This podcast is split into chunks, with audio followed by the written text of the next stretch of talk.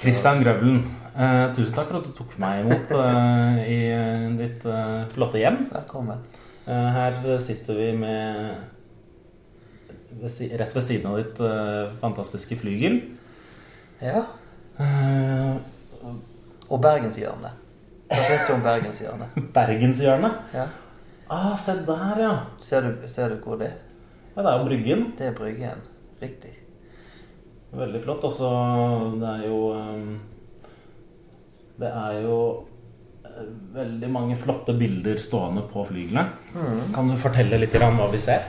Um, på flygelet så står der eh, noen av de musikerne som Eller pianistene, da, som jeg er aller mest eh, glad i. Det er det største bildet bak oss. Det er Arao, som er den uh, pianisten jeg kanskje er aller mest inspirert av eh, i nyere tid. Mm. Eh, og så er det litt forskjellig med Jiri og med Maria Pires. Og så er det mm, eh, med Cortot som står der. Ja. Og så er det Kleiber. Og så aller fremst til venstre er det Godowski. Det er Godowski. Ja, og Godowski det er den pianisten jeg er aller mest inspirert av. Harald på andreplass. En knapp andreplass. Går det litt sånn fram og tilbake hvem som er favoritten, alt ettersom eh, Det, det er litt etter, som, etter behov. Ja. Godowski prøver, for, jeg prøver å fundere alt arbeidet mitt på sånn som jeg kjenner hans arbeid. Mm. Og det er simpelthen fordi det stimulerer meg veldig, interess- interesserer meg og, og inspirerer meg. Arao er for meg en veldig kroppslig musiker. Mm. Så hvis jeg har kroppslige utfordringer som jeg ikke klarer å løse på noen annen måte, så forsøker jeg å emulere noe av det som jeg forbinder med arab. Altså på det lydmessige, da? Eller ser du på videoer og sånt? På, og så? på måten å bruke kroppen på. Ja, ok. Eh, og ja, jeg ser mye på videoer og, Mm. og sånne ting, men altså, Eller å lytte til intervjuer med han, eller Men det, det er liksom de to som jeg Som lever mest for meg i sinnet, som er lettest å prøve å bygge noe, Mm. Noe eget på. Når jeg ser Arao spille, så, så blir jeg alltid så slått av, av hvordan Altså, For det første, han, har, han ser ut som han har veldig, veldig store hender. Ja. Um, og, så, og så er de du ser, du ser nesten ikke at det er noe strekk eller noe, noe sånt. Han, han, holder, han holder de veldig, veldig avslappa konstant i samme posisjon. Mm. Han er jo litt sånn um, Jeg forbinder han jo litt med, med gummi, eller han er noe, Det er noe veldig ettergivende med Ja. måten han spiller på. Du kan si på en måte Det er jo veldig åndelig fundert, av sitt spill. Men av og til så, så kan denne kroppsligheten gå litt på bekostning av musikken. Og det syns jeg jo eldre han blir, jo mer Vi kan kalle det avslappet, men, men det er også litt litt dogmatisk måte å være avslappet på, hvis jeg kan si det sånn. Så han, han kan være litt for streng med seg sjøl i å være veldig fri, og da går det veldig ofte litt på bekostning av, av uh, musikken, særlig mot slutten. Men det har jo også litt med alderstegn og, og sånne ting å gjøre. Og sammenlignet med hva han henter ut av det han spiller, så er jo det bare en liten detalj. Mm. Men Godowski har vi, har vi muligheten til å høre ham spille noe særlig, egentlig? Ja, vet du, det finnes egentlig en god del opptak, inkludert uh, Les Adieux. Ja. Sin Godowski spilt at det sonate nummer eh, 26 Ja. Ja. Før 27, som, Ja. er, som er e-mål. Så da må vi si til lytterne eh, hvis, du, hvis du hører på dette langt, langt inn i fremtiden, så kan du høre på eh, 32 sonaters episode nummer 26. Ja. Det, altså, det, det interesserer meg. eh, Den, det er jo noe av det mest interessante tidsbildet vi har av en sånn såkalt romantisk pianist som spiller en så eh, Selvfølgelig det er programmatisk, men en strengt klassisk sonate på veldig mange måter. Og, og det er eh, noe av det mest inspirerende jeg kan høre på. Og den hører jeg på mange ganger. Um, og så har han jo selvfølgelig spilt mye romantisk musikk og Chopin. Og den beste innspillingen han har gjort, det er jo egentlig nesten litt grusomt, men den beste innspillingen av Godowski er jo av Chopins fjerde scherzo, rett før han får slag. Ja. Så den er helt fantastisk, men så fikk han dessverre så slag rett etter den var ferdig. I en alder av uh... Jeg husker ikke hvor gammel han var, men han var jo 60 et eller annet. Ja. Um, Han var kanskje rundt 60, da. Ja. Um, og han uh, levde jo noen år til, men uh, Men uh. Dette er eh, sånn det blir når to, eh, to pianister sitter og prater sammen. Da. Men kan vi, kan vi eh, gå litt tilbake og snakke, snakke om eh, deg og dine, dine formative eh, år som musiker? Når begynte du å spille, egentlig? Jeg begynte jo å spille sånn i femårsalderen Ja. um, hos en dame som heter Marianne Persson I Bergen. i Bergen. Marianne hun er mer kjent som Gulas-Marianne fra barne-TV. Å ja! Det var min første bjørnlærer. Du verden. Og jeg eh, Jeg holdt på å si uten forkleinelse, så jeg lærte veldig mye om musikkglede og veldig lite om pianospilling. Marianne. Men vi hadde det utrolig kjekt. Og den gleden som jeg lærte og fikk sammen med Marianne i de første årene, er, tror jeg, den aller viktigste og mest helhetlige drivkraften i, i arbeidet mitt. Og det takker jeg henne for fortsatt. Ga hun deg liksom muligheten til å leke med piano? Absolutt. Mm. Og, og, og leke med Men å, å synge og, og det, var, det handlet ikke om instrument i det hele tatt. Mm. Og mange pianolærere som jobber i den kritiske fasen, vet at det er utrolig skadelig. Mm. På, altså skadelig i den forstand at eh, du trenger gleden, og du trenger leken, Mm. men du trenger også disiplinen. Ja. Den fikk jeg ikke. Mm. Men alt i alt jeg, Det har betydd at jeg må tette mange hull etterpå. Det er jo noe med at altså Man blir jo den personen man blir som følge av eh, det som har vært. Ja, og du kan si Jeg ville jo aldri byttet den de første årene med noen andre. Ja. Jeg tror eh, på mange måter det er mer verdifullt. Men det krever mer selvdisiplin seinere år. Men dette yrket, og særlig å være eh, instrumentalist, krever uendelig med disiplin uansett hvilken bakgrunn du har. Så, så jeg vil ikke si at noe er bedre eller dårligere. Men det var min, mitt utgangspunkt. Men altså var det, var det noe tidspunkt i løpet av din tid med Hva var det hun het igjen? Marianne. Marianne uh, hvor du Hvor du følte at dette er, dette er den veien jeg har lyst til å gå, med i, gå i her i livet? Eller var det Det kan jeg ikke si. Ikke som jeg kan huske. Jeg kan bare si at eh, den gleden jeg følte rundt å utøve musikk, var så overveldende. Og, og at den har vært med på å ta den avgjørelsen seinere. Den har blitt mer bevisst. Den Det tror jeg. Men um, du kan si det den, den tiden vi hadde handlet bare om å ha det kjekt. Og jeg er sikker på Vi snakket i sted om prat kontra Men jeg, eh, jeg eh, er sikker på at vi pratet mye mer enn vi spilte. Og lo og hadde det kjekt. Og mer et form for selskap. Fikk du, fikk du noen erfaring med, med å fremføre? Ja, Altså for- for hun, publikum- hun organiserte jo min første konsert. Ok. For jeg var Husker du repertoaret? Eh, Jeg husker noe av det. Mm. Eh, Jeg hadde et veldig sterkt ønske om å spille eh, morgenstemning, så jeg spilte et eller annet merkelig barnearrangement av det. Ja. Og så spilte jeg Mozart 545, ja. altså Facile. Ja. Og så spilte jeg Til Elise. Mm. Uh, og så kan jeg ikke huske, huske noe mer. Men de, de tingene husker jeg. Og jeg husker den dagen veldig godt. Og jeg husker det flygelet hun hadde veldig godt. Eh, Men det betyr jo at, at eh, jeg ble jo også da oppmuntret fra et veldig tidlig tidspunkt til å opptre Mm. Med å spille. Det ble jeg. Mm. Um, men jeg må si at jeg, jeg var et veldig entusiastisk, men ikke spesielt begavet barn. Okay. det, det må jeg jo kunne si. Ja. Nei, men uh, Altså Minst like viktig er det jo å tenne, tenne gnisten for, uh, for musikken. Ja, altså hva er, hva er dette yrket uten glød? Det er jo Vi, vi er jo i Vi vokter jo en egen ild. Du har jo den Altså du har jo den eh, eh, Altså det, det, det motsatte eh, Den motsatte lærerstrategien. eh, som er jerndisiplin. Mm. eh, som, ikke, som ikke utvikler den kjærligheten til musikken nødvendigvis.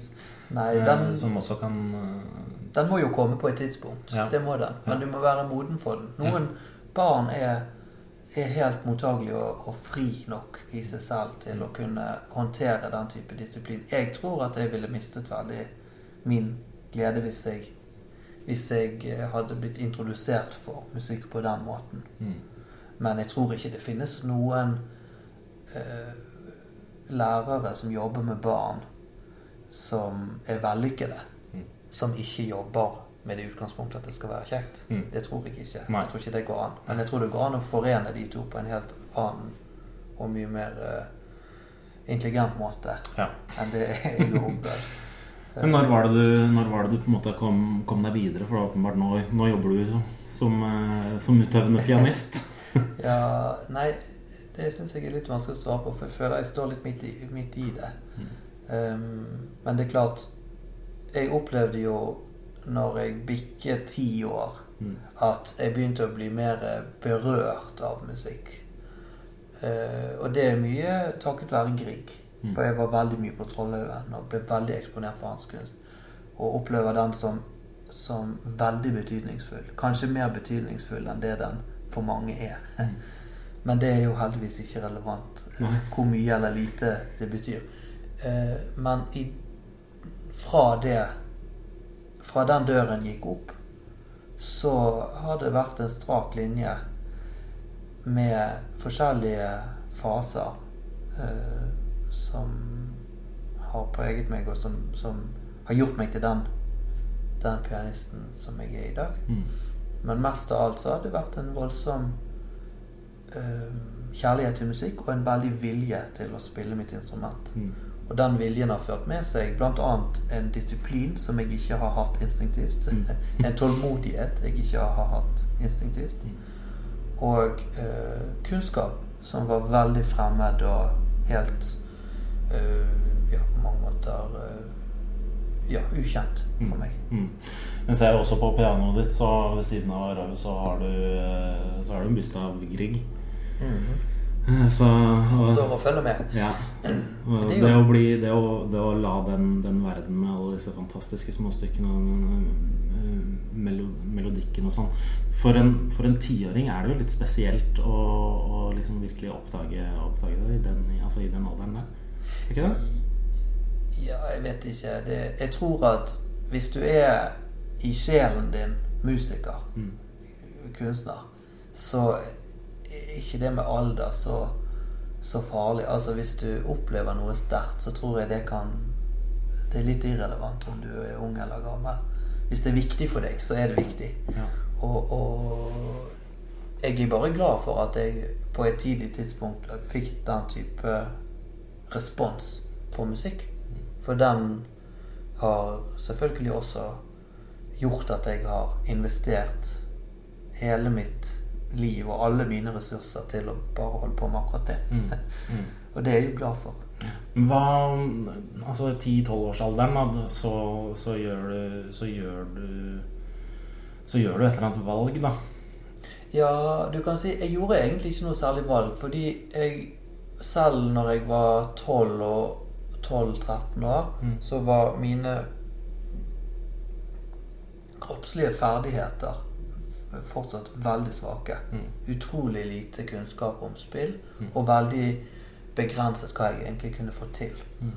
Uh, og på det tidspunktet ble jeg plukket opp av en lærer som heter Signe Bakke i okay. Bergen. ja. Som ga meg hele mitt spillemessige fundament. Mm. Absolutt alt. Eh, For før det, som Signe sa, du kan, kunne ingenting. før du kom til meg. Og det var jo i og for seg sant. Jeg hadde mange andre egenskaper som har vært viktige for jobben, men ingen, ingen pianistiske ferdigheter. Nei.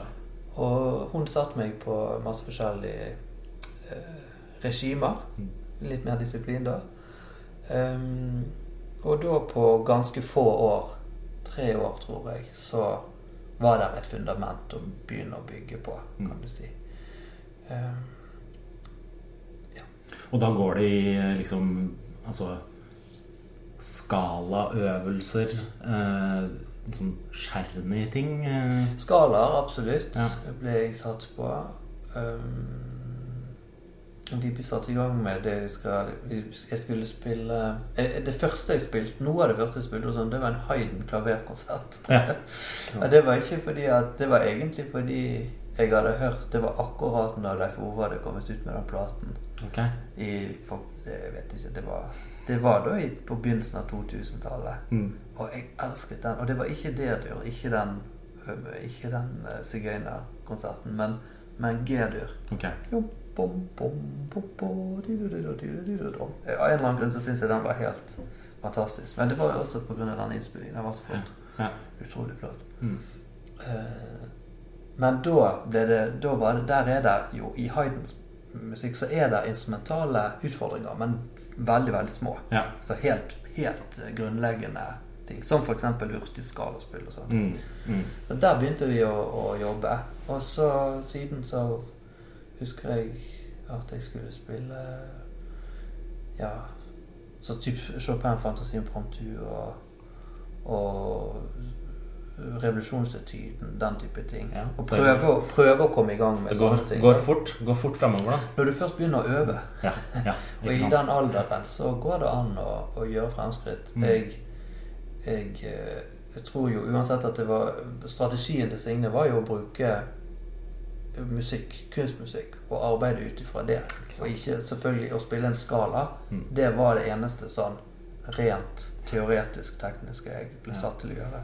Jeg, altså uh, Uten at jeg har noen uh, spesiell ekspertise, men jeg jeg, Sånn intuitivt for min egen del så, så syns jeg det høres ut som en veldig god strategi at, at, at du Ja, du må, du må gjøre disse tingene med, med skalaøvelser og, og sånt, men Men, men å Det å bare rendyrke eh, teknikk uten noen musikalsk kontekst det trenger ikke å være noen stor fordel, egentlig. Nei. Men heller, men heller bruke, bruke repertoaret som, som vi har på instrumentet. Men jeg har jo forsøkt det òg. Mm. Å bare dyrke teknikk. Og det var jo noe av det på en måte mest lærerike og mest utfordrende jeg har gjort. Fordi at det er så vanskelig å komme vekk fra det igjen. Så når jeg begynte å studere Mm. Nå skal jeg, håper jeg over et viktig kapittel, for jeg gikk jo da hos Jiri fra jeg var 16. Mm. Uh, Var det da på musikklinje eller et talentprogram? Eller? Nei, Signe var jeg på, talentprogram i Bergen. ja. Men Jiri gikk jeg hos privat. Men i Oslo. Mm. Så i Jeg fikk være en del av klassen uh, på Barat. Uh, uten å egentlig gå der. Eh, sånn at det er jo klart at av summen av alt dette koker jo litt ned til at at eh, Jiri er min Vil jeg si min hovedlærer, må jeg tillate meg å si når jeg har sagt disse andre tingene. Ja. Fordi eh, det er summen av det. Mm. Det er summen av det praktiske og det kunstneriske og det personlige. Eh, og eh, historien i det. Mm. Tradisjonene som fins. Som går fra generasjon til generasjon. Vi snakker selvfølgelig om Jiri Linka. Ja. eh, Som er, han er jo en, en levende legende, egentlig. Ja, helt uten tvil den mest betydningsfulle klaverpedagogen i Norge. Ja. De siste, selvfølgelig de siste, de siste 30 årene. Mm. 40 nesten. Mm. Um, men òg i historien. Fordi at du kan si det er veldig lett å drive og måle en pedagogs evner på det som kommer ut på toppen. Mm. Sant? Altså som Leif Ove og Christian og Håvard og de som har fått de største karrierene. Mm. Og det er helt selvfølgelig representativt for Jiri. Men jeg syns det som forteller aller mest om Jiris fenomenale egenskaper som pedagog, er jo alle at alle som har vært innom Jiri, får blomstre på det området de Mm. arbeider på. Ja. Og selv om han på et tidspunkt kanskje Man forbinder han litt med en slavisk disiplin og en sånn form for strenghet som er fremmed for oss nordmenn, Mm. så må jeg si at, at eh, det er den læreren jeg har vært eksponert for, og som jeg kjenner til, som er flinkest til å hente ut elevens personlighet. Mm. Og nettopp derfor tror jeg òg at så mange har blomstret av å gå hos. Det er ikke det at han gir deg liksom 'Dette skal du gjøre, og sånn skal du bli'. Mm. Han forsøker faktisk å arbeide andre veien. Det er et utrolig unikt og spesielt forhold, det forholdet mellom, eh, mellom lærer og elev når det kommer til, eh, til musikkdisipliner. Ja, det er det. Altså det er For det, er, det, det blir en autoritetsperson samtidig som det også eh, For at det skal fungere, så må det være et vennskap også. Ja, og i hvert fall en form for gjensidig respekt Mm. og, og raushet. Og det opplever jeg veldig sterkt at Jiri har. Men det er det at hans gemytt virker som han ikke har det. For han kan virke som han hater deg. Og jeg har opplevd å bli sagt Mm. ting til som, er, som høres veldig galt ut. Men vi har alltid hatt det veldig kjekt eh, og morsomt. Så, så nå når jeg er- er en voksen mann, så er jeg jo selvfølgelig eh, glad for å likevel oppleve et sånn type den, Det er kompleksiteten i en sånn relasjon. For jeg, det hender jeg fortsatt eh, spiller for Giri av og til. Mm. Og, og den du, du, går, du reiser litt tilbake i tid og blir litt 10 år, 15 år yngre enn det du er. Mm. Samtidig som det er en sånn en viss distanse til alt. Mm. Og litt humør rundt det. Ja. Men jeg er glad for å ha en sånn tillitsperson uh, tett på meg musikalsk. Mm. For jeg har jo hatt flere lærere etter Giri. Mm. Eh, og jeg vil si at alle mine lærer-elev-relasjoner har vært kompliserte, for jeg har ikke vært en enkel student. Eh, På hvilken det- måte, på hvilken måte Det er litt for komplisert og litt for personlig til å gå i detalj på, tror jeg. mm. Men hvis du skal presentere noe kunstnerisk, så må det være en balanse i deg sjøl. Mm. Det må være en ro i deg som gjør at du kan være et talerør for den musikken du skal presentere. Mm. Og i store deler av min studietid så var jeg for urolig til å kunne ha den rollen. Mm. Samtidig som jeg hadde en voldsom ambisjon om å være en stor pianist. Ja. Og, og de to tingene henger selvfølgelig tett sammen, men er også helt uforenlige. Mm. Så starten på å på å kunne være en klaverkunstner er å finne en ro. Mm. Uh, og så lenge jeg studerte, så ønsket jeg selvfølgelig å finne det, uten å forstå at det var det jeg lette etter. Og så meg da rundt til alle mine lærere underveis, og hadde for nok forventninger eller ønsker som de ikke kunne gjøre noe med. Mm. Det er bare deg sjøl. Og der forstår jeg at noen pianister da, og noen kunstnere i det hele tatt eh, sier at de ikke tror på undervisning innenfor musikk. Mm. Marc-André Moulin for eksempel sier det. Han tror ikke på at, at du kan lære det til noen. Mm. Du kan bare finne ut av det sjøl. Og det er jo en veldig eh, svart-hvit måte å se det på. Mm. Jeg mener jo at Jiris arbeid bekrefter det motsatte. Men, Ja. men det er nok helt riktig at til et visst punkt så kan du lære. Men det som kommer etter, det er bare indre arbeid. Så det må jo være noe med det å, å veilede mer enn å, mer enn å installere eh, kunnskap, på en måte. Mm. Og da er jo det også en, en kunst å se hvilken form for veiledning hver enkelt trenger. Mm. Jeg ville aldri kunnet si i dag hva jeg trengte, Mm. men jeg vet på hvilke områder jeg har forandret meg Mm. siden for ja, for eh, fem-ti år siden. Så ja. Åssen var det da å, å gå fra studieliv, da, eh, og, og prøve å, å klare seg på egen hånd ut i det virkelige liv? den overgangen er jo tøff, må Mm. jeg si. Og tøff fordi, i, hvert fall i mitt tilfelle, så var jeg da så desillusjonert. Både i eget arbeid og i måten å bare se verden på. Se i hvert fall det, den praktiske verden i, innenfor musikklivet. Mm. Utrolig naiv på mange måter. eh, og så den den overgangen var sånn for de fleste musikere som er nyutdannede, ganske brå, og du går ut i det sorte hull og liksom Men eh, jeg er jo også en veldig dedikert person og en ressursperson Mm. på flere områder. Mm. Eh, og var ikke innstilt på å sette meg ned og vente på at livet skulle komme til meg.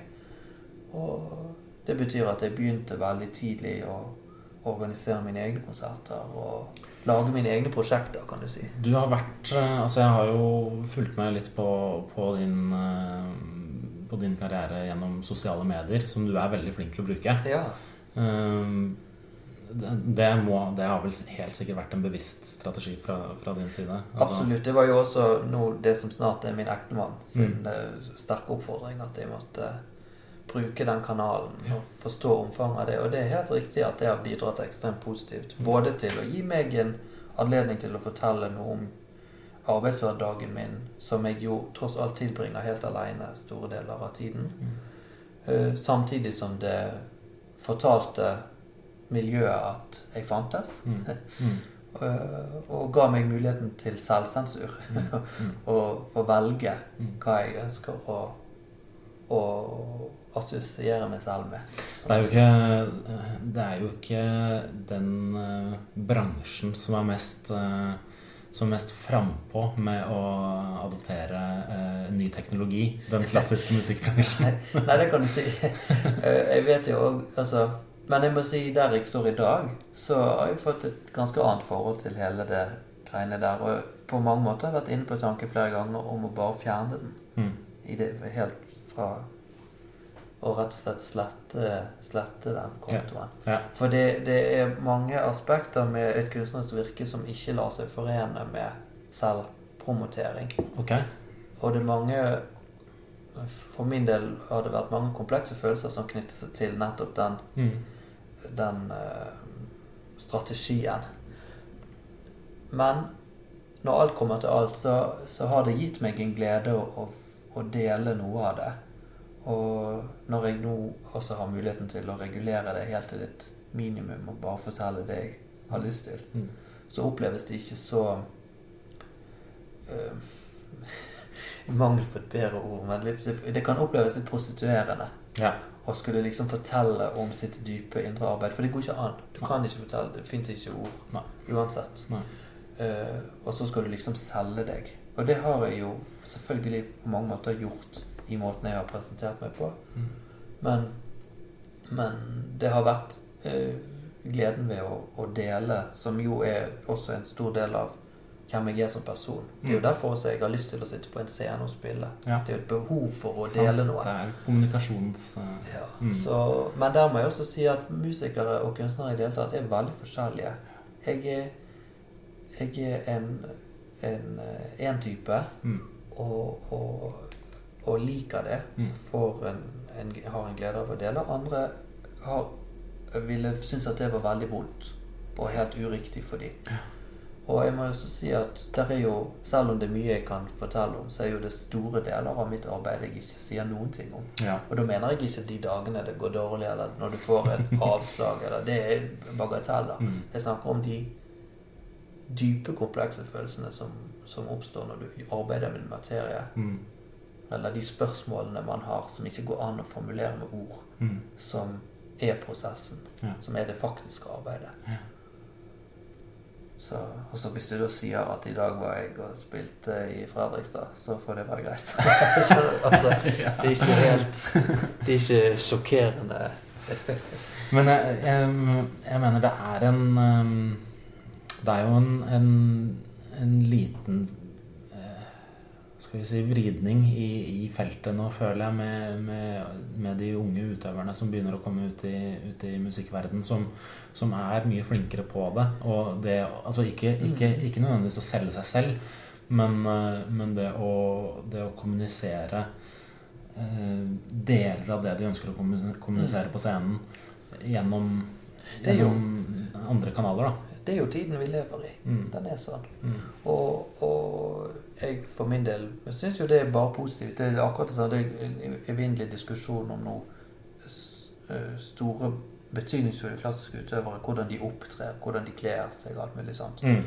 En, i for seg, er jo for seg en ikke uventet diskusjon, men også helt primitiv på mm. mange måter. Om de kler seg sånn eller sånn, det må være helt irrelevant. Hvis du, hvis du lytter til som det heteste tilfellet som, som er med Wang, så, så, er det ingen tvil om at det er en stor musikalsk personlighet. Mm. Og hvis det da er i tillegg en stor personlighet i seg selv, og i tillegg en fantastisk flott dame, mm. Hvorfor skal det ene slå det andre i hjel? Mm. Må du se ut som en gammel gris for å spille bedre? Altså, nei. Jeg syns ikke det. Og tiden vi lever i, er, forteller oss at det ikke skal være sånn. Hva syns du om uh, den videoen av eh, Yu Jia Wang som eh, spiller hammerklaver på, i, i Carnegie Hall, som ligger på YouTube? Jeg syns det? er helt fantastisk. Jeg synes det Det er- et makeløst spill. Det er, eh, det er Altså, du føler at det er en, det er en langfinger til noen. Uh, Ja, det der. er i hvert fall en måte å se det på, tror jeg. Ja. Eh, Det går fint an å å tenke seg det. Og jeg tror at Kanskje har hun den humoren i seg til å gjøre det. Det vil jo hun fremstå Jeg kjenner ikke mennesket, Nei. men det fremstår som en veldig humørfylt eh, kunstner. Ja. Oppi alt alvoret. Mm. Eh, men men det, det, jeg vil ikke lage noen Jeg vil ikke stille meg som dommer for eller for eller imot den type Jeg syns det bare jeg, jeg ønsker velkommen alt som er den personen. Mm. Mm. Eh, og det er akkurat det samme som, som eh, alle disse som som skal hamre løs på Lang Lang, f.eks. Ja. Det er helt Du må jo selvfølgelig mene hva du vil om hans spill Mm. Eh, og hans musikalske valg, Mm. og, og hvorvidt de er fundert sånn eller sånn. Men, men hvorfor, skal du, hvorfor skal vi bruke så mye energi på å si hva som er riktig og feil, og bra nok for oss og dårlig nok for Altså, mm. jeg syns det er en, en uting. Som om vi sitter med fasiten. Ja, og, òg som, som om kunstens premisser er fra best til dårligst. Det er ikke sånn. Nei. Sant og usant er gode ord å bruke om kunst, og der er en annen diskusjon. Mm. Men jeg kan ikke sette meg ned og si lang, lang lyver, og bare øh, Jeg vet ikke. Bare Sokolov snakker sant. Mm. Mm. Jeg elsker Sokolov, og jeg mener han er den største kunstneren, klaverkunstneren i vår tid. Ja. Og det er ingen tvil om at jeg opplever han på en helt annen måte enn jeg opplever f.eks. Lang. Men jeg syns ikke det er riktig å bruke tid og energi på å, å dømme det ene foran det andre. Men Det er jo gjerne de, de som er på toppen, som, eh, som eh, Som er mest utsatt for, eh, for den hardeste kritikken også. Ja da. Og det er klart det er en blanding av, av bedre viter Mm. og, og kanskje misunnelse eller frustrasjon. Mm. Et eller annet sånt. Men jeg vil jo si at der er de, de kunstnerne som snakker sant, Mm. som virkelig snakker sant, de er det ingen som er immune Mm. mot. Så de vil man bli truffet av. Uansett om du liker det eller ikke, så vil du si 'dette var sant'. Men så kan du si 'jeg likte det ikke'. Mm. Som jo mange gjør. F.eks. på en Sokolov-konsert. Mm. Lurer på om vi skal, skal vri samtalen litt over på årets øh, jubilant. Ja, absolutt. Beethoven 2020. Er det et eh, Er det et eh, betydningsfullt jubileum, føler du? I aller høyeste grad. Men, men eh, jeg vil jo også si at det er jo litt sånn Med et jubileum følger det jo også mange kommersielle fordeler. Men jeg vil jo også si at hvert år er et Beethoven-år. Ja. ja. Hvis du skjønner hva jeg mener med det. Altså, han øh, Han er evig aktuell. Ja. Mm. Men han skal feire, selvfølgelig. Som alle store kunstnere fortjener. Og, og det er gøy å feire. Det som bergenser også. Det, det, jeg er glad i sånn festivitet. Så det, det hører med. Det syns Ja. jeg absolutt. Ja. Um, episode nummer tre er dette. Um, nå vil jeg at vi skal gå gjennom kjapt en, eh, den sonaten som korresponderer med, med denne episoden. Ehm, da er vi fortsatt i opus 2. Mm. Eh, Denne, det siste av dette trekløveret med, med fantastiske tidlige Beethoven-sonater. Ehm, For min del jeg er av den oppfatning at det, det, det fins ikke et, et svakt verk i, i, den, i den rekken med, med 32 sonater. Ehm, alle sammen er er vidunderlige. Og det er veldig stor Men det er veldig stor variasjon i grad av virtuositet og liksom storhet i uttrykket. Denne sonaten er definitivt stor i uttrykket. Den er den første sånn biffen, kan du si. Ja. Og virkelig voldsomt virtuos. Ja. Det er den. Det er Altså, på mange måter er det Det er som en det er som en, en klaverkonsert skrevet for solo piano. Ja. Den, eh, det er det. Mm. Det er også sånn det føles å opptre med den. Mm. For den er veldig sånn den, den høres jo veldig virtuos ut og sånn, og, og den er jo i tidvis uh, litt ubehagelig å spille. De åpningstaktene av 3 nummer Opus 2 nummer 3 er ganske ganske beryktet i sin, eh, i sin beskjedenhet. For de, er- de er vanskeligere enn man tror.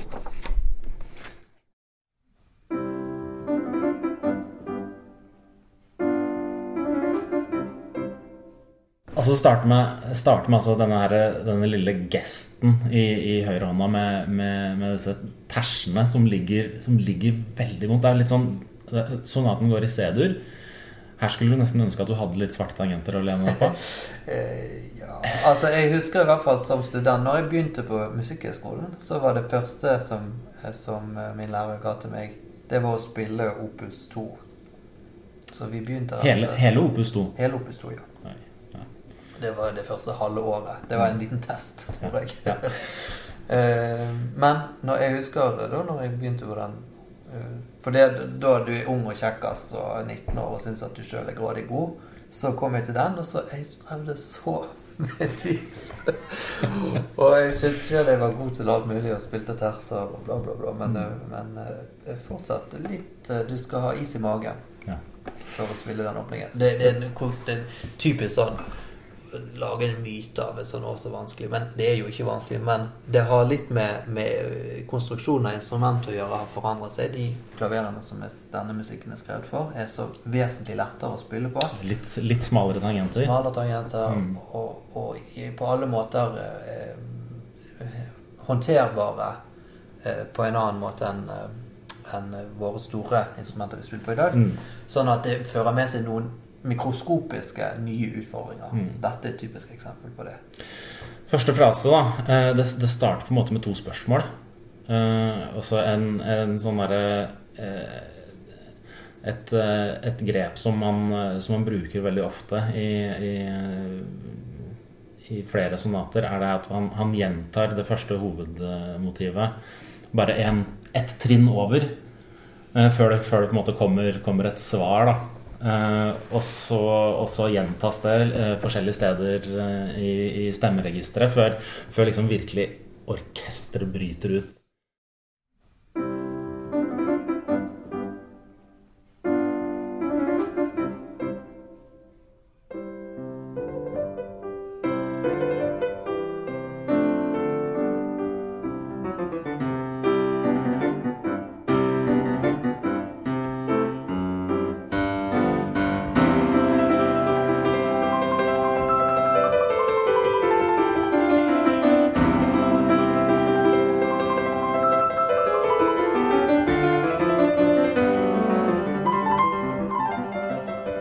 Som jeg syns er aller flottest med den sonaten, er jo nettopp den vekselvis det som du kaller for, for det store, men også det humørfylte, den humoren som er i den sonaten spesielt. Mm.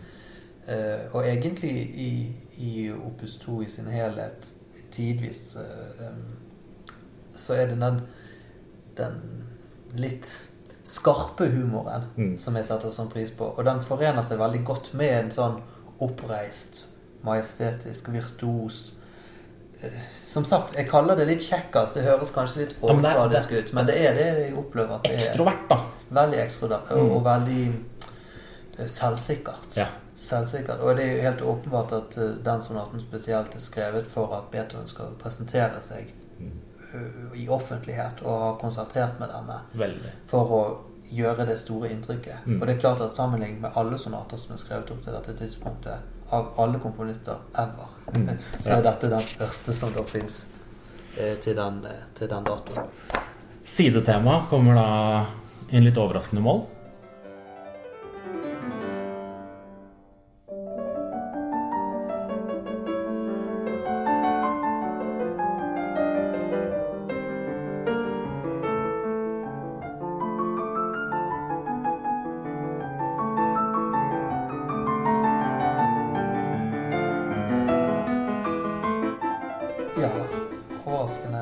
Altså det, Genialt. Vanskelig ja. Eh, For det skal jo Det skal vel eh, Hvis, hvis jeg husker musikkteorien min riktig, så skal, så skal da sidetema eh, være, være, være en kontrast til hovedtema, men da gjerne i, i dominanttonearten, som i C-dur da er G-dur. Her kommer det i G-moll. Og det er, det er også sånn der liten langfinger til eh, er jo establissementet. et, eh, et av mange triks som, som Beethoven har lært av Hayden. Og, og det er ingen Det syns jeg er et veldig interessant poeng. Jeg tror det er Rosen som har sagt det. Mm. At det er ingen uh, harmoniske utsving i Beethoven som ikke har skjedd i Hayden. Nei. Så disse sonatene som er tilegnet Hayden, som var Beethovens eneste ordentlige lærer i komposisjon, Mm. Så det er helt opplagt at han ønsker også å, å rekke en hånd til sin, sin lærer og si at 'jeg har forstått det du sier'. Og Ja. så vil jeg jo si at Beethovens langfing er til Hayden. Han, han utvider og presser og Se hva du kan gjøre med dette. Ja, ikke sant? Og er det uten, å, uten forkleinelse for Hayden sin del. For uh, Hayden er en, en stor, stor komponist. Og hadde ikke Beethoven vært, vært blant oss, så ville Hayden vært den store. Ja. Så, så Mozart er liksom litt i en egen et eget uh, område av himmelen. Men, uh, Jeg husker, men, ikke, ja, jeg husker ikke hvem som sa det, men, uh, men Rett eller annet flott Veldig flott sitat med at Mozart kom fra himmelen, mens Beethoven kom til himmelen. Ja. det er veldig vakkert sagt. Ja. Ehm, på slutten av, av da, den første delen, eksposisjonen, så får vi, så får vi et lite sånn derre luringtema i, eh, i litt dypere register og Ja, ja, i, i, og i oktaver. Bam, bam, brrr, bam.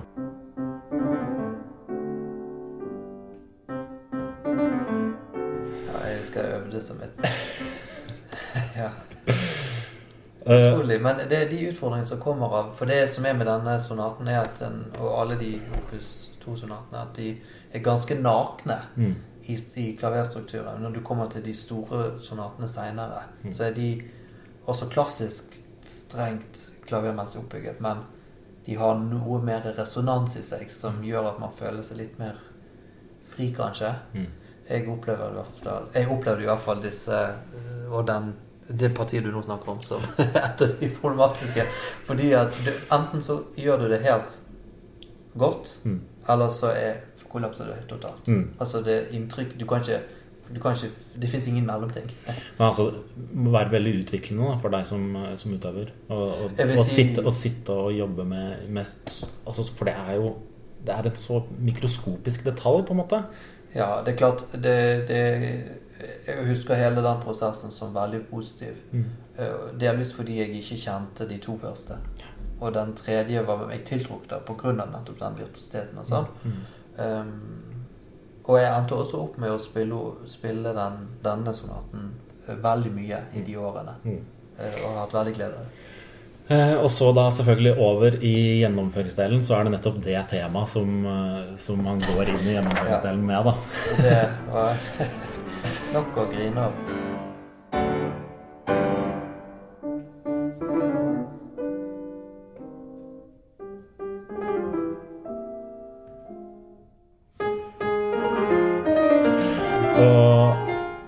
Og, bygger det opp til en plutselig en helt ny toneart igjen.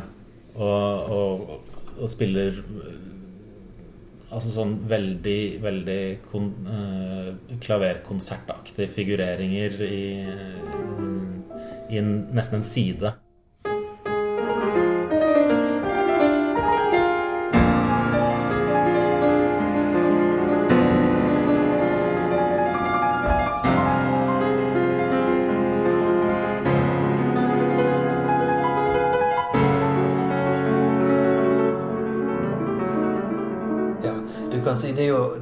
Det, som jeg opplever med, med denne sonaten, og som ofte skjer i Beethovens musikk, er jo det ønsket om å sjokkere. Mm.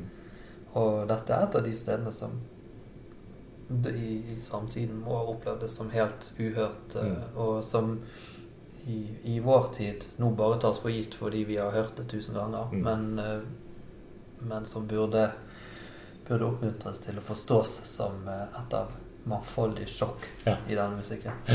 Og, og etter, etter da denne uh, dette, den virtuose passasjen med, med mye, med mye uh, arpeggio-figureringer i høyrehånda, så, så har han gått fra toneart til toneart. eh, og, men så kommer han tilbake, og denne gangen veldig veldig svakt, til hovedtema. Det er nesten så vi tror at vi er tilbake i, i, i reprisen, men, men vi er i en helt feil toneart. Alt er bare en spøk.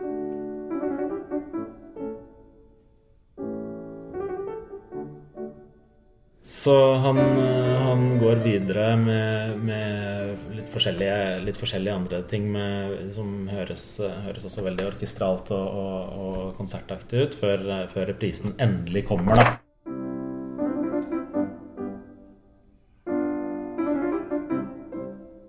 Eh, Og nokså er nokså normal helt til vi kom, begynner å bevege oss mot, mot eh, kodaen. Hvor det da er Hvor han da gjør det helt tydelig at dette er, en, dette er en, en, et konsertformat. Eh, nesten mer enn en sonate, fordi det er, det er rett og slett en kadans. Ja. Sånn som, vi, sånn som vi er vant til å se det i solokonserter. Så her er det solisten som, som briljerer med, med sin fantastiske teknikk, før vi, før vi da avslutter, avslutter denne satsen. Også veldig orkestralt, da.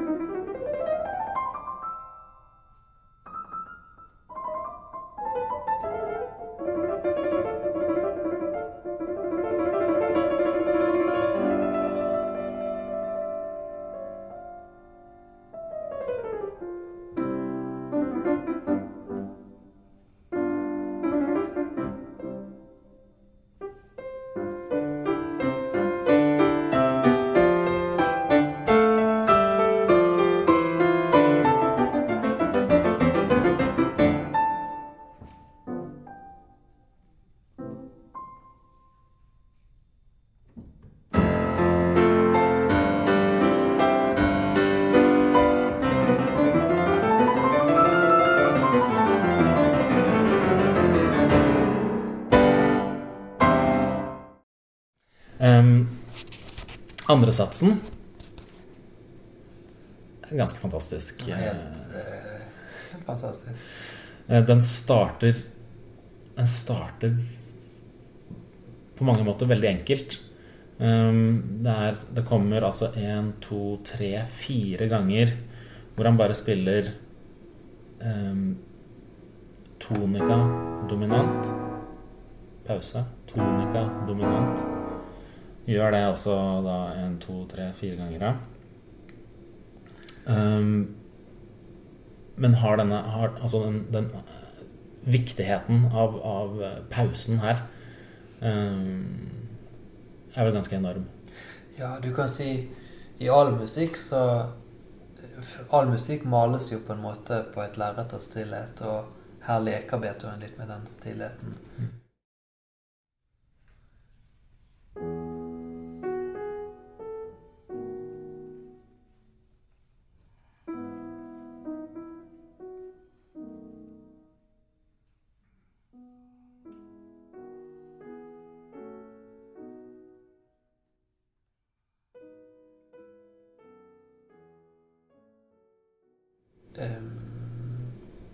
men det er klart Det er en sats som er på den ene side veldig betryggende og veldig intim og, og privat. Um, varm, selvfølgelig. Um, og ettertenksom. Og disse pausene Tanken på det du nettopp har, har sagt eller hørt eller tenkt, Mm. um, er ganske overveldende. Men samtidig så spiller de på vår forventning om at vi skal bli betrygget igjen og igjen og igjen. Mm. Og det legger til rette for det som, som åpner seg etterpå. For det er et rom som er til nå helt uhørt i all musikk. Mm. For det er liksom en Altså det, det er på en måte en serie med, med spørsmål eh, hele denne frasen. Og så gjentas det i, så gjentas det i, i en, på en måte en versjon i, i moll etterpå. Eh, Men vi føler, vi føler nærmest ikke vi, vi føler på en ting at vi, at vi lander. Vi konkluderer aldri ordentlig. Før vi, kommer, før vi kommer helt på slutten av denne frasen og går da inn i, inn i den andre eh, Inn i B-delen, da. Eh, Som Altså, jeg husker, eh, først, jeg husker Dette er en av de stykkene som jeg husker første gangen jeg hørte den. Ja. Uh, og det var Husker du hvem som spilte? Det husker jeg veldig godt. Ja. Uh, For det var i Oslo konserthus i Ja, det må ha vært rundt år 2009 Ja. eller noe sånt nå. uh, Og Lang Lang Ja, spilte, spilte apropos. ja. Eh, og jeg husker, jeg husker det partiet som kommer nå, det, det bare traff meg pang midt i knollen. Ja, Eh, der kan du se. Ikke sant? Det var ikke noe i vei med lang, lang den Det var ikke det. Eh, så, så den Altså Den vendingen han tar For det høres så innmari ut som han skal lande på den her eh, land, Endelig får vi landa på den her dur-akkorden, men da, da kommer vi inn i mål da, med den her eh, melodien som kommer i bassen, og, og svaret i sopranen over disse lange linjene.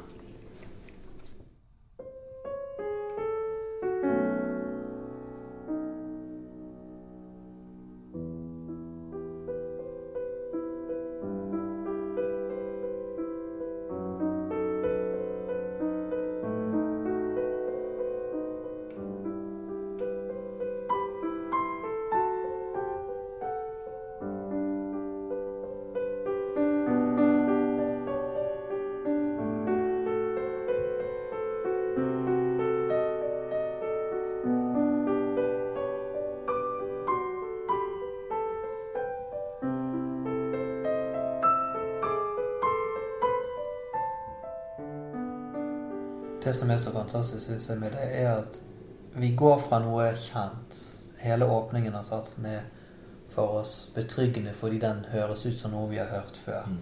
Det er vakkert, og det er stillferdig. Og... Men det som gjør det så gripende, er at, at han bruker det som å legge til rette for et emosjonelt landskap og en, en oppdagelsesferd som er for oss helt i, i tåken, eller helt u, ubegripelig på mange måter. Mm. Og den søken som er i hele det partiet, og som for hver gang det kommer, og egentlig da gjennom hele satsen, Mm. den er så dyp og ny, Ja. musikalsk historisk sett, Ja. ny, Ja.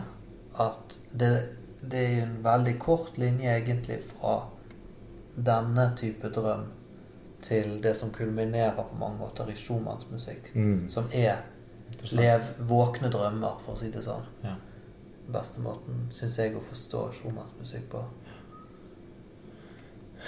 Skjønner du? Så det, det er noe av det som er så fantastisk med Og det gjelder jo med Beethoven generelt, at alt som vi finner i Beethoven, er Hva skal du si Røttene Mm.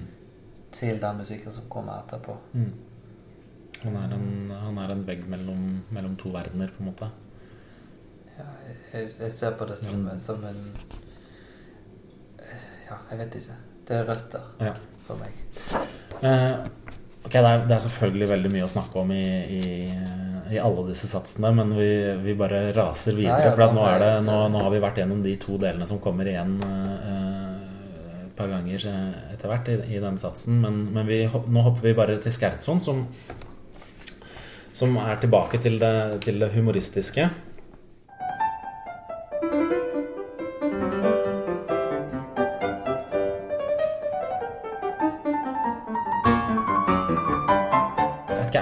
Føler du det er riktig av meg å si at det er kontrapunktisk? Ja, det er jo helt klart en Hva skal du si, en enkel imitasjon. Det høres Ja. ut som en slags fugert eh, sats, men det er jo egentlig bare en liten En form for kanon, eller imitasjon, kaller jeg det. Altså på den, på den tiden her så Altså Bach ble jo sett på som uhyre gammeldags. Utenom av Beethoven, selvfølgelig. Utenom av Beethoven. Altså de eh, Og han- og- Kunstnerne hadde jo enorm respekt for den, De fleste kunstnere visste jo egentlig ikke om Bach på det tidspunktet. Nei, Og det er jo egentlig Mendelssohn som har fått æren for å hente han frem fra glemselen. ja. Men Beethoven var, var vel bevandret i i bassmusikk. Og da spesielt Golver-variasjonene og, og, og voldtempererte, som man begge, begge disse verkene som han kjente. Ja. Og vi vet jo også at Mozart fikk tilgang på dette ene private biblioteket som hadde Mm. som biblioteket i privat eie, mener jeg. Som, der Mozart selv satt og kopierte bartsmusikk for hånd. Eh, Sånn at de store kunstnerne var jo ikke uberørt av Du kan si hvis, hvis, hvis, eh, hvis Bach er en slags bestefarfigur i Mm. musikksammenheng, så de relaterer seg på en fin måte. For Bach er på en måte 'grandfather of music', Mm. og så kommer Beethoven, som er en slags komplisert farsfigur Ja. etterpå. Men de to går liksom litt i, Ja. i, hånd i hånd. Ja. Um, men folk var jo Folk, var, folk kjente til uh, fugeform. Uh, Det er klart. Uh, og, og det var vel eh, Altså hele, hele den tidsepoken med, med wienerklassisisme var jo en reaksjon nettopp mot den der voldsomt intellektuelle uh, formen for musikk. Både det intellektuelle, som du sier med, med fugerte satser, Mm. eller det kontrapunktiske, Mm. uh, men òg oppblomstringen av at, at musikk ikke lenger var noe du opplevde bare i kirken som skulle hylle religion, eller Mm. Men at folk hjemme og i salongene skulle kunne både lytte til musikk og spille selv. Mm. Det gikk, betydde at man måtte gå vekk fra den polyfoniske skrivingen og inn i det som vi i vår tid kaller for korder. Mm. Ja. For det er det det egentlig er. Men det er det jo Det er veldig Det er jo forfriskende sikkert for, for det publikummet da å høre en, en eh, sånn enkel type kontrapunktisk skriving i et så humoristisk uh, uttrykk. Ja, jeg tror at han skriver det på, en, på den måten for, som en spøk. Mm. Det er litt sånn ha-ha, dette var gammeldags. Så vi ler i dag av folk som har parykker på. Det er litt sånn. Eh, Det er noen, det er noen småting i Skerson jeg bare har lyst til å ta fram, nemlig sånn som, sånn som det partiet her, hvor, du, hvor han blir liggende på en sånn der liten uh, Han blir liggende på det, lille, det bitte lille motivet der. Ja, Sånn- man venter. Jeg venter og venter og venter før han endelig kan komme tilbake. Og for, for øvrig, uh, episode én i, i denne podkastserien så prata vi med Wolfgang, og han, han er veldig opptatt av dette skjebnemotivet. Ja. Så, og og Da, da, den, da, denne satsen her starter jo på en måte med, med det skjebnemotivet. ja. Jo da. Kan vi, kan, vi, kan vi si det? Den, det er jo likt antall toner Ja. som det skal være i skjebnemotivet. Jeg eh, vet ikke. Jeg syns at hvis man begynner og sånn, så er det lett å se spøkelser på høylysdag, men uh... Det er klart. Jeg er enig i det. Um, trioen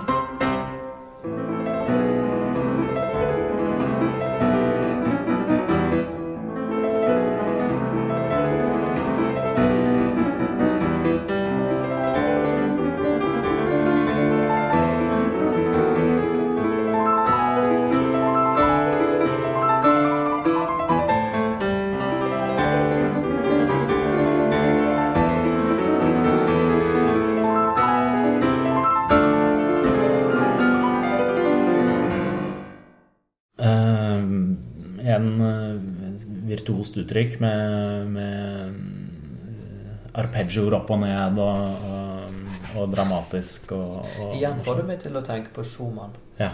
Uh, stormen i det. Mm. Den, jo, ikke, ikke uvær, men indre storm. Indre storm. Mm. Det er jo også noe som, som kommer fra Som er født i Beethoven på Mm. mange måter. Mm. En, en morsom koda. Um, rytmisk eh, ganske artig med disse oktavene. Ja, og, og spill med dynamikken er jo det morsomste, syns jeg. Ja. Uh, og Bom, bom, bom. Og så en uh, en, en frase som går først veldig tydelig nedover før den bygger seg opp igjen, opp igjen, opp igjen, opp igjen, opp til toppen, og så avslutter vi bare bare, bare. ja, Litt sånn. En spøk. Morsom spøk. Og så er det tilbake til, eh, til eh, det, det orkestrale og, og tilbake til klaverkonserten i siste satsen. Åssen er det å spille det her? Det er veldig kjekt, faktisk. Mm. Eh, Det er, som alt må du øve litt. Men, Ja. det, men det, det er veldig kjekt. Den er ja, morsom, morsom å spille.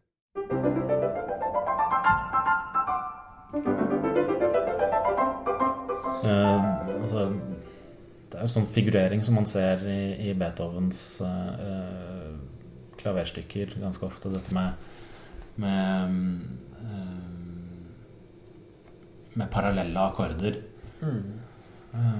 Sånn som man ser i, de, i, den, første, i den første passasjen her. Um, det, er jo, det er jo en ren virtuositetsgreie. Det er en ren kroppslig ting som ser veldig stilig og flott ut, og egentlig er noe av det enkleste i, i verket sånn totalt sett. Ja. Men det er jo en del av, av stilen her. At Mm. du, hvis du tenker deg Jeg tenker meg både denne C-dur-sonaten og den første konserten, som også er C-dur, Mm. som litt sånn visittkortstykker for Beethoven i en tidlig fase av, av uh, sin karriere. Mm. Altså, I den grad han ønsket en karriere som utøver, Ja. så er det da den type triks som gjør veldig inntrykk i en Ja. tid der. Men, men den teknikken med parallelle terser sånn, den finner du også ofte i Haydn, Ja. faktisk. Ja. Ikke, i, ikke i akkorder, men i terser. Mm. Både som glissando i oktaver i, i fantasien, og som jeg husker i hvert fall i C-dur-sonaten. Mm. Også C-dur. Mm. Eh, sin såkalt store C-dur-sonate, en av de siste, Ja. som jeg også har spilt mye, den har veldig mange fellestrekk med denne Mm. Beethoven-sonaten. Og både stillheten, humoren, virtuositeten. Um, dette, er en, dette er en såkalt sonate rondoform. Um, så altså Vi har et eh, Vi har et på en måte B-tema med ganske mye drama.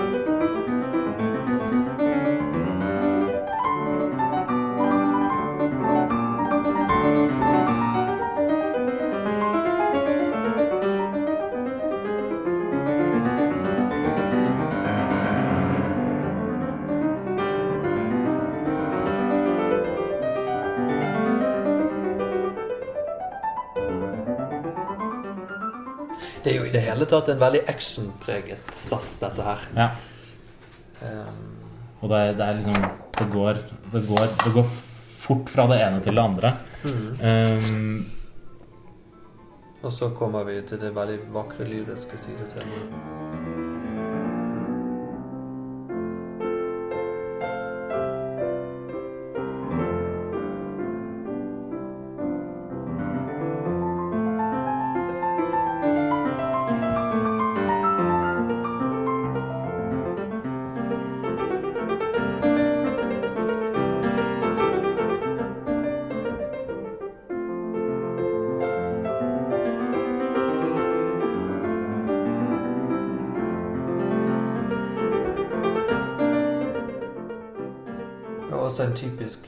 for Beethoven å lage vakker melodikk av harmonier av arpeggier som går opp og ned. Bare redusere de til slow motion, og så dy, da, dy, da.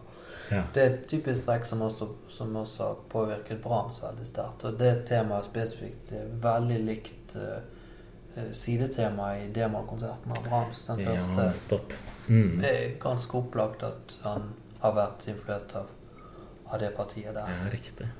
Teknikken er veldig enkel, men det jo, har jo har jo ingen betydning for selve innholdet. Eh, men, men det er en, en teoretisk måte å forstå Ja. den type Hvordan den type skjønnhet eh, er tenkt.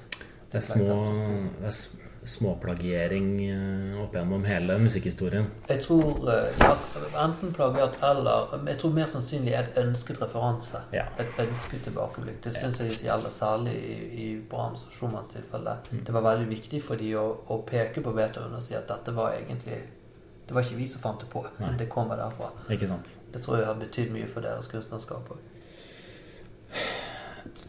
Også i denne satsen her får vi en eh, En tydelig typisk Beethoven-aktig kadans eh, før, eh, før kodaen. Hvor han annet bruker den herre denne slags dobbelttrillen. Ja. Det kan, ikke være, det kan ikke være noe enkelt å spille.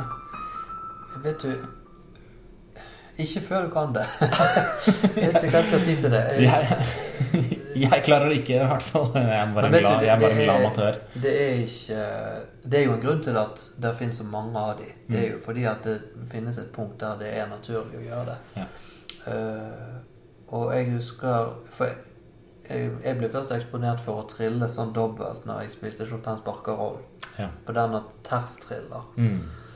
Og da i starten så forsto jeg ingenting hvordan dette skulle. Da var jo jeg et barn. Men, men eh, det fins en teknikk som, som er veldig enkel, som, er, eh, som er, gjør at det er en naturlig ting for, for kroppen å gjøre. Mm. Men så er det selvfølgelig også mulig å distribuere på en annen måte og lage det om til en tohandstrille, Mm. som gjør hele saken mye enklere. Ja. Men um, det som er pointet med trillene, er jo at de spiller også på en forventning. For en trille skal løses opp Ja. til siste tone. Mm. Eh, mens her så begynner der en trille, og så løses den egentlig ikke opp. Og så Nei. blir den lenger og lenger, og så blir det flere og flere toner som triller, og til slutt så triller alle. Og så forsvinner den litt ut før, den, før, den kom, før du da kommer tilbake med en, med en veldig overraskende toneart.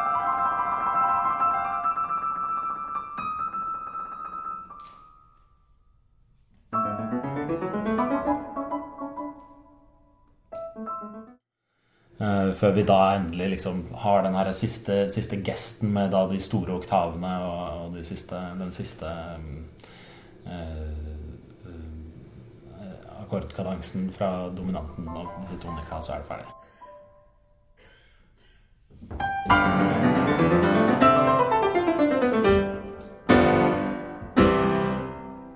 Det er litt sånn uh, beethovensk uh, måte å slippe mikrofonen på, og bare gå av scenen. Ja. og bare si takk for meg. Eh, Beethovensk mic drop. Det er typisk Ja. mic drop. Og det fins mange av de Ja. i disse morsomme sonatene. Så det er i hvert fall en del av den der tar av seg, hiver av seg parykken og bare sier 'fuck you guys'. Er ferdig. Da har vi vært gjennom sonat nummer tre. Da er det bare å høre på den, da.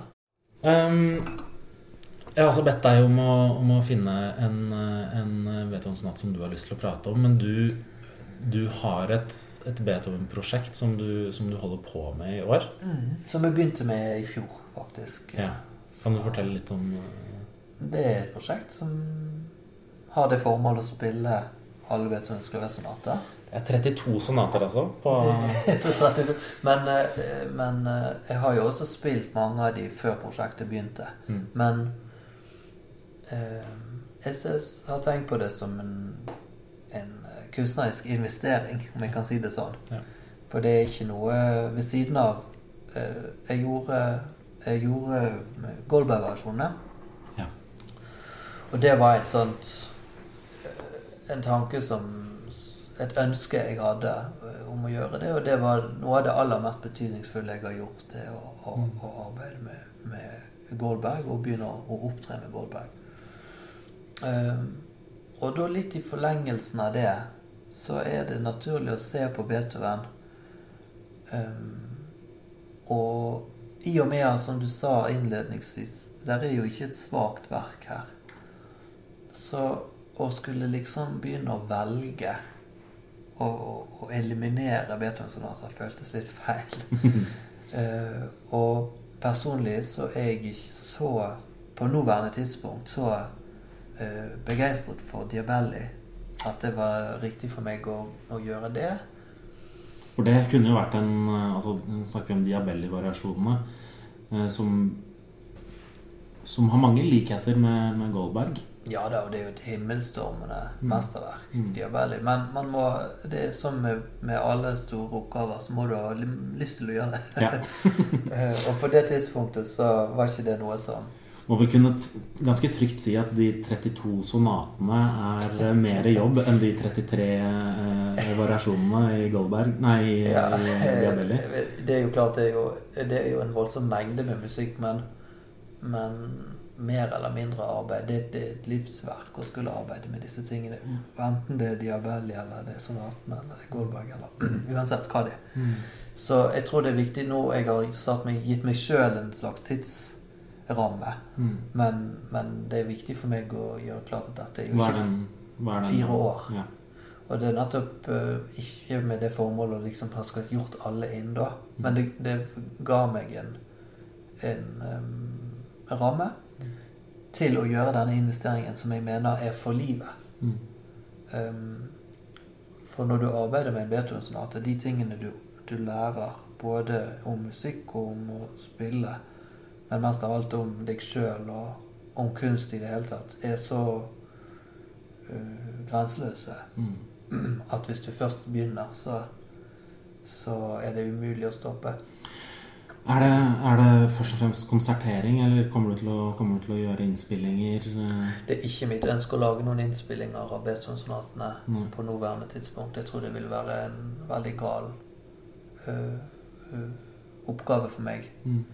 Um, simpelthen fordi jeg opplever at jeg er så på dørstokken av de fleste verkene, også de jeg kan godt, som jeg kjenner godt, Mm. at det ville ikke være riktig. Men å, å konsentrere meg de er jo min, min store glede, og har jeg holdt på med nå et år allerede. Og da velger jeg jo ut for hvert år de sonatene som jeg vier mest tid til. Vi kan komme litt tilbake til, til hvor vi kan, eh, hvor vi kan eh, høre deg spille og sånt eh, mot slutten av, av, av praten. Men kan du, kan du snakke litt nå om hvilken, hvilken sonate du har valgt, og hvorfor?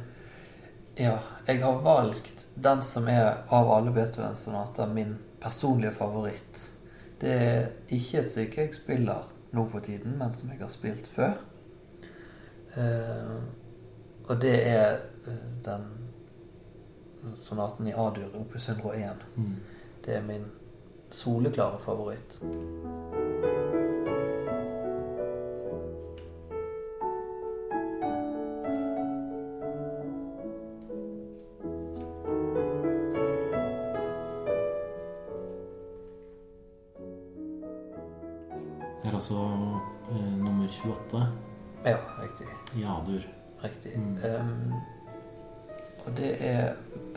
Grunner til å velge seg den. Og det er jo som sagt litt På en måte eh, vanskelig eller uriktig å velge seg én over de andre. For det er klart det er at klart. Jeg gir deg en umulig oppgave. alle, som, alle som kjenner Beethovens eh, musikk, ville si at den ene er like god som den andre på forskjellige områder. Men mm, Opus 101 rører meg på en veldig spesiell måte. eh, samtidig som den har den livsbejaende humoren Mm. i finalen. Eh, og et, et voldsomt et, et, Det er et kriblende godt humør. Mm. Og det syns jeg det er noe veldig rørende med. For, for veldig ofte så Den Beethoven vi kjenner, er liksom patetikk og appasjonat og skjebnesymfonien. Det er dramaet. Og det er et veldig sterkt drama hver gang.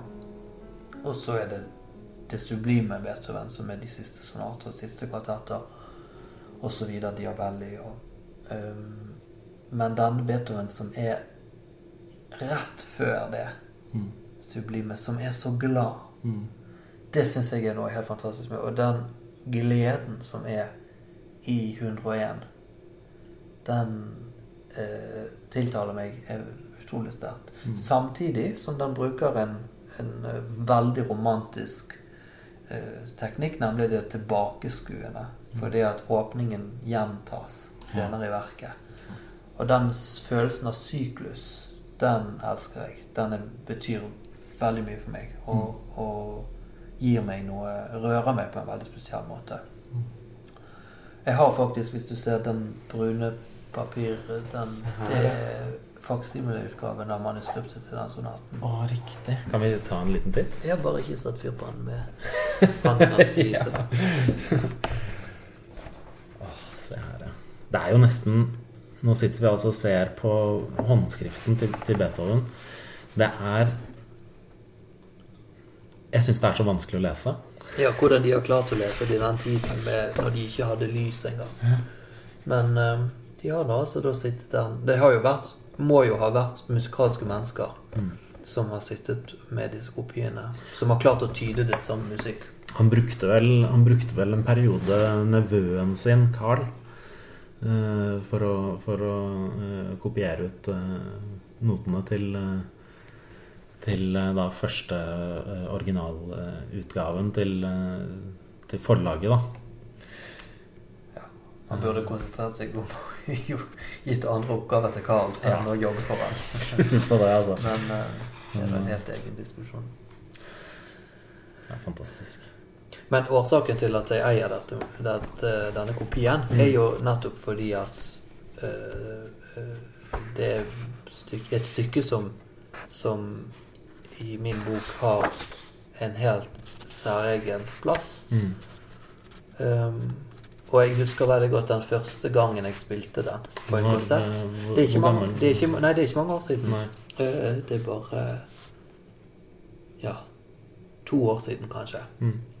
Men jeg husker, for det var i Sandefjord, faktisk. Ja. Ja. men jeg husker når jeg hadde gjort det, så syntes jeg det var helt absurd å ha gjort det. For det er et stykke jeg har hørt på i årevis og elsket og elsket og elsket. Mm. Og så plutselig spille det selv. Ikke fordi at det var noe spesielt, men det var bare opplevelsen av å få være inni et verk som du i utgangspunktet bare har vært utenfor. Eh, er i utgangspunktet stor, men når det var akkurat dette stykket, så var det helt spesielt. Mm. Og bare å sitte og bla i det og tenke at det er, har vært et menneske som du og jeg sitter her med et papir foran seg, og så har han satt ned disse prikkene Mm. på grunn av en ubeskrivelig ånd. Trang. Jeg finner ikke bedre ord enn ånd. Um, som kan si noe så sant om Jeg vet ikke.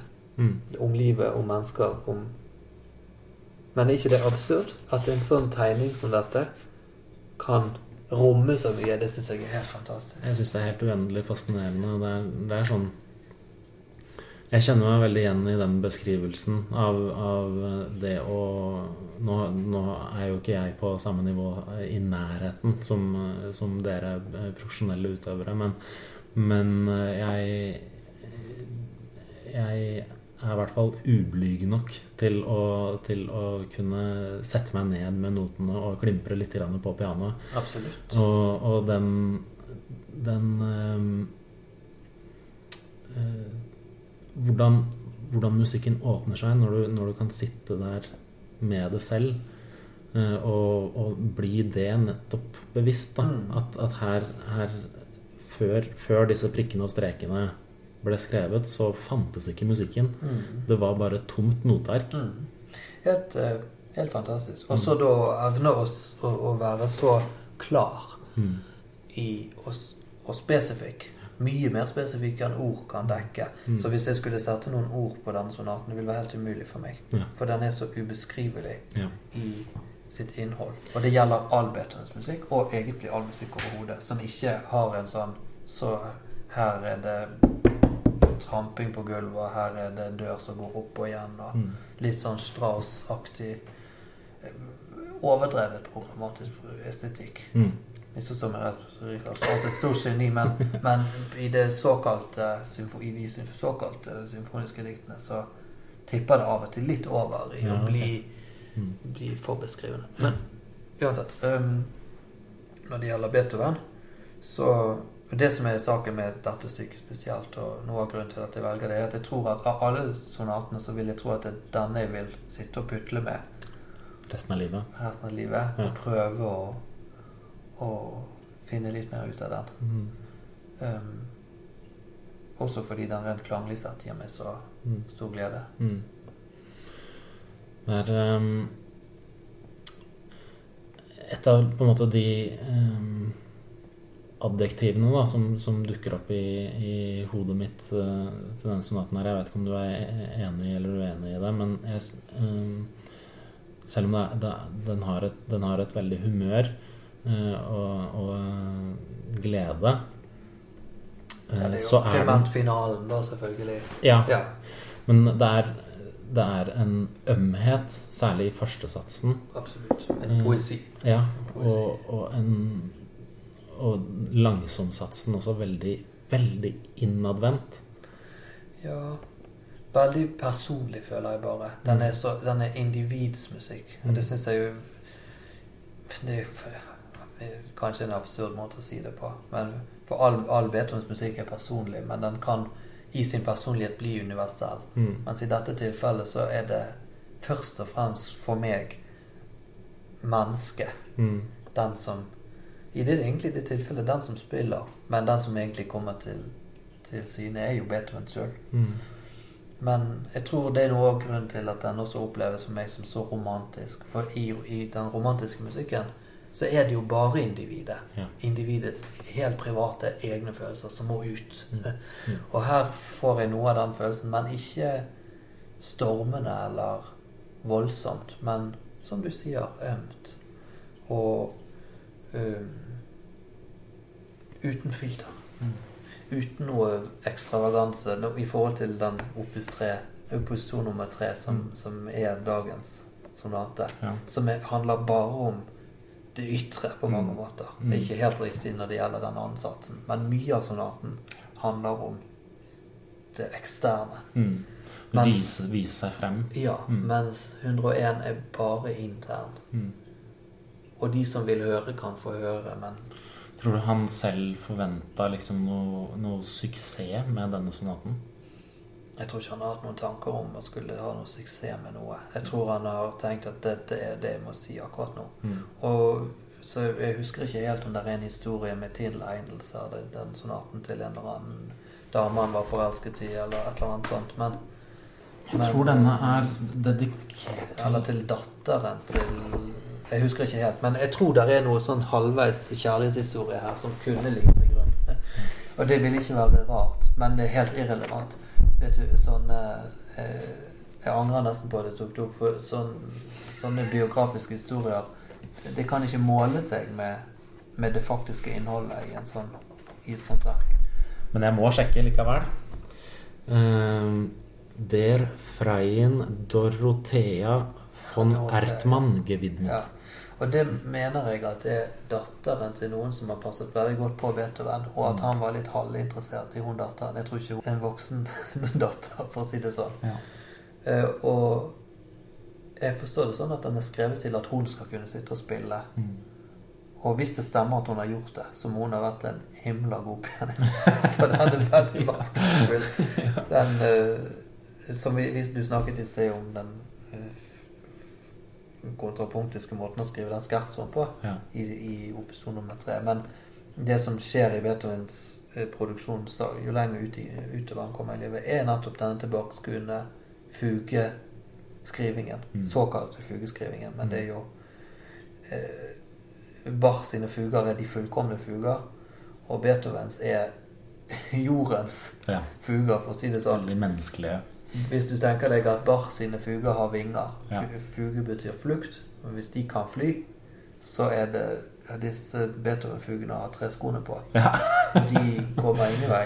Men det er nettopp den ultimate musikalske diskusjonen. Mm. Det er disse stemmene som snakker og diskuterer mot hverandre. Og når en veldig tilfredsstillende og veldig hardt fremarbeidet konklusjon. Mm. Og det skjer sakte, men sikkert uh, i mer og mer i Beethovens produksjon. Og i denne 101 så er det en episode som er fugert Mm. i finalen. I finalen.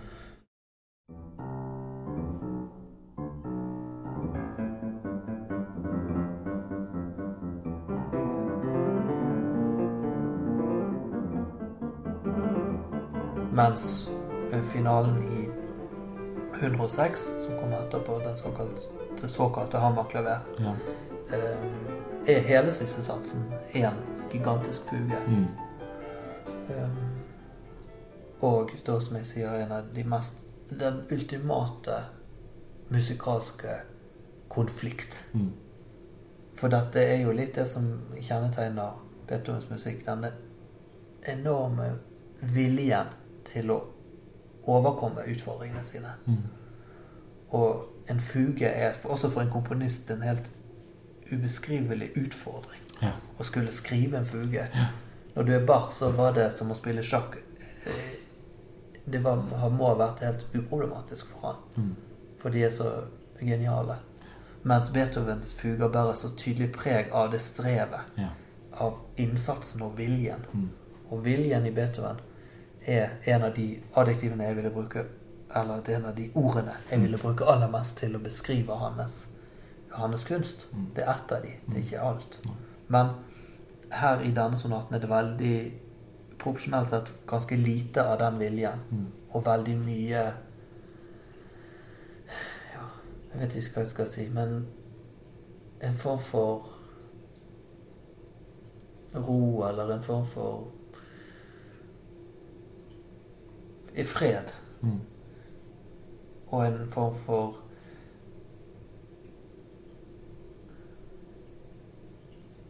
observasjon. Mm. Evne til å bare se Mm. og bare lytte. Det er også et, et stykke som på mange måter bærer noe av Schuberts naturskjønnhet i seg. Jeg synes eh, altså åpnings åpningsgesten også i den, i den første satsen er eh, bærer veldig preg av en sånn der uendelig melodi også.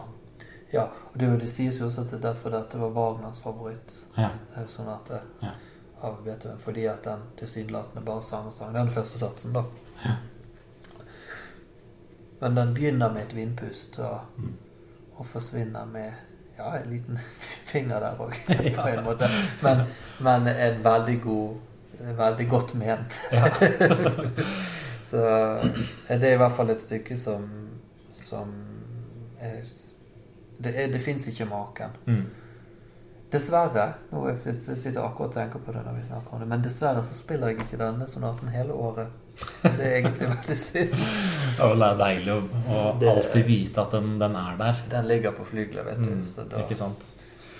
Det er også Altså Vi snakka om den der fugen. Jeg, jeg, jeg også elsker selvfølgelig denne sonaten. Jeg elsker alle sonatene. Um, men eh, jeg syns at det fortjener å bli dratt fram litt i den uh, kanondelen i um, Er det i andre, i andre satsen? Altså ja, i, trioen i, i marsjen, tenker du? Ja. Ja, ja, ja. Riktig. Som er eh, Altså, jeg, det er også sånn jeg husker at jeg oppdaga For jeg, jeg tror jeg må ha lytta med bare ett øre de første gangene jeg hørte på den her, før jeg oppdaga at fader, det er jo en kanon, faktisk, Ja. i, i, den, i den satsen her. Mm. Um, og det Altså, vi er vant til å Vi er vant til å tenke på fader Jakob, ikke sant? Ja, ja, ja, ja. Vi hører kanon. Dette er, dette er på et litt annet nivå, føler jeg.